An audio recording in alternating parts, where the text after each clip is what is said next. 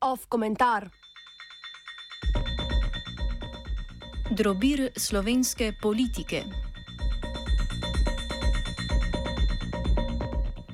V pričakovanju prihajajočega supervolilnega leta smo že priča vrsti na novo ustanovljenih strank ali strank, ki so se na novo združile v večja gibanja, medtem ko drugi politični akteri še premlevajo, kaj se v danem trenutku najbolj splača.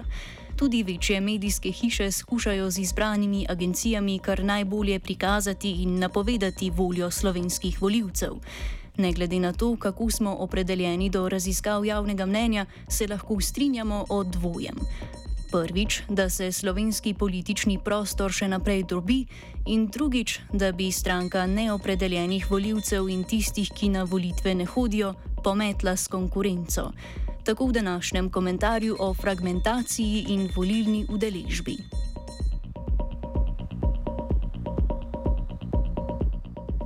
Drobljenje političnega prostora ni nikakršna slovenska posebnost. Gre za izražanje nezadovoljstva voljivcev nad tem, da trenutne parlamentarne stranke neustrezno naslavljajo zdajšnje in prihajajoče izzive v državi.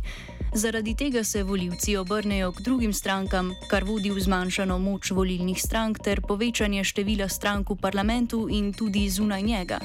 Če pogledamo onkraj naših meja, so trendi podobni tudi v državah z drugačnim modelom demokracije in volilnega sistema. V Združenem kraljestvu so naprimer voljivci v 70-ih letih prejšnjega stoletja namenili bodi si laboristom, bodi si konzervativcem 90 odstotkov svojih glasov, leta 2010 pa le še 65 odstotkov.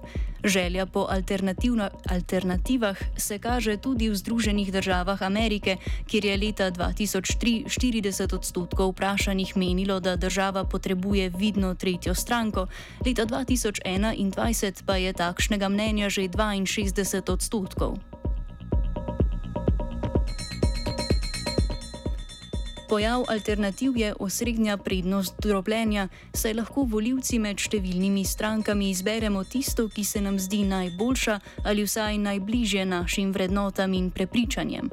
V slovenskem političnem bazenu ta prednost ni tako izrazita, saj skuša več strank nagovarjati isto volilno telo, oziroma so nekatera njihova stališča za povprečnega voljivca preveč nejasna so pa zato bolj očitne negativne posledice fragmentacije političnega prostora. Po volitvah je težje oblikovati vladne koalicije, ki so tudi bolj krhke in lahko hitreje razpadejo, ko se en, ena izmed strank oceni, da ji sodelovanje v koaliciji ne koristi. Koalicijske stranke so tudi zaradi volilnih teles, ki jih predstavljajo, manj naklonjene iskanju soglasi, zato vlade pogosto teže opredelijo svoje cilje in se manj učinkovito lotijo reševanja osrednjih problemov.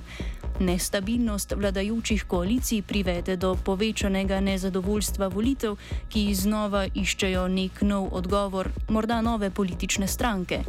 Težko je reči, ali gre le za prehodno obdobje ali za stalnico demokracije 21. stoletja, vendar za zdaj, konsolidacije za zdaj še ni na obzorju, tudi zaradi hitro spremenjajočega se sveta s porajajočimi se problemi, ki jih politika konkretno še ne naslavlja, naprimer avtomatizacijo delovnih mest.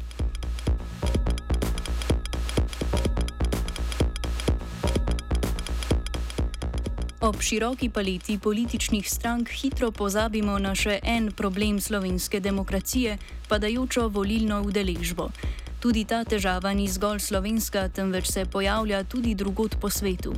Če pod drobnogled vzamemo zgolj Slovenijo, je trend jasen.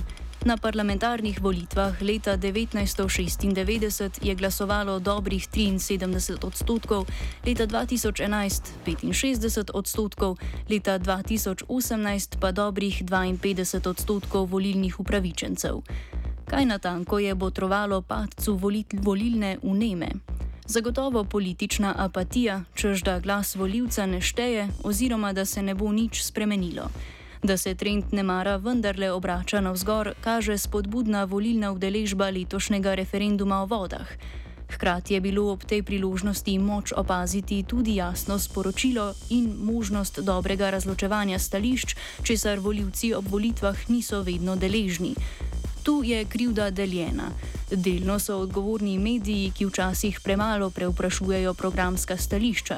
Svoj delež nosijo tudi politične stranke, ki jim to vrstno stanje ne mara ustreza, saj se voljivci zaradi nejasnosti vsebine pogosteje odločajo na podlagi heuristik ali všečnosti volilnih kandidatov.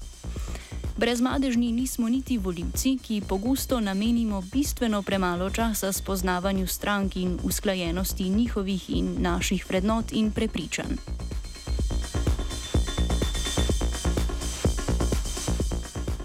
Ali bomo na volitvah oddali svoj glas ali ne, je odvisno od številnih naših lastnosti in značilnosti političnih predstavnikov. Volilna udeležba je povezana tudi s časom, ki ga posameznik porabi za iskanje in obdelavo volilnih informacij.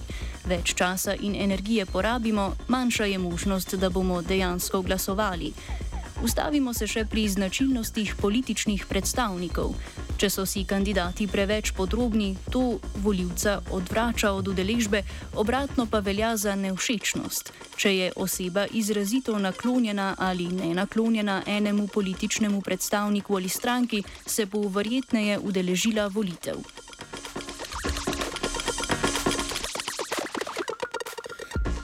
Iz tega je mogoče oblikovati določene smernice. Voljivci želijo poznati odgovore na vprašanja o političnih strankah, ki jim omogočajo, da lahko ustvarijo jasne ločnice med kandidati in političnimi strankami.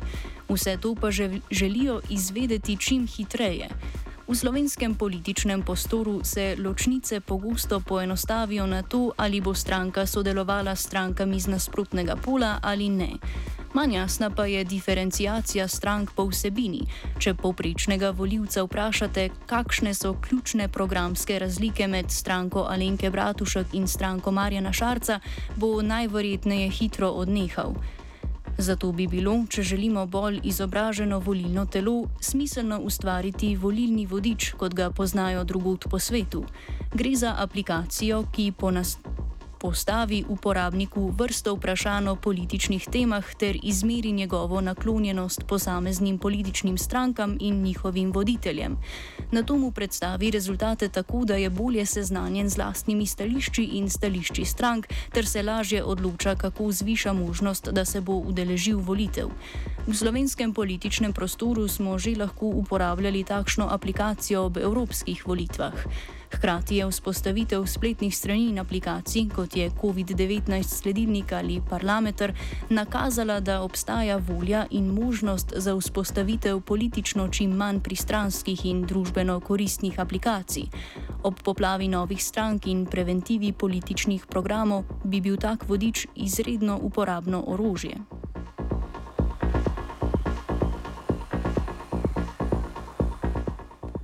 Slovensko politično prizorišče nikakor ni edinstveno. Podobne težave in priložnosti lahko vidimo tudi drugod. Tudi padanje volilne udeležbe se lahko preobrne z bolj jasnim strankarskim in medijskim naslavljanjem voljivcev, če jih obe strani bolje opremita za politično udejstovanje. A pri tem je ključno, da so uporabijo rešitve, kot so volilni vodiči, saj ti v razmeroma kratkem času dobro opremijo voljivca in ga tako spodbudijo k volilni udeležbi. Ta je pomembna, če želimo, da bi v našem prostoru širok spekter ljudi preupraševal začrtanje poti države in sodeloval pri njem. Komentiral je Dominik. To kar se je zgodilo zdaj, je v bistvu nož v hrbet slovenski državi. Nož v hrbet in pa plunek.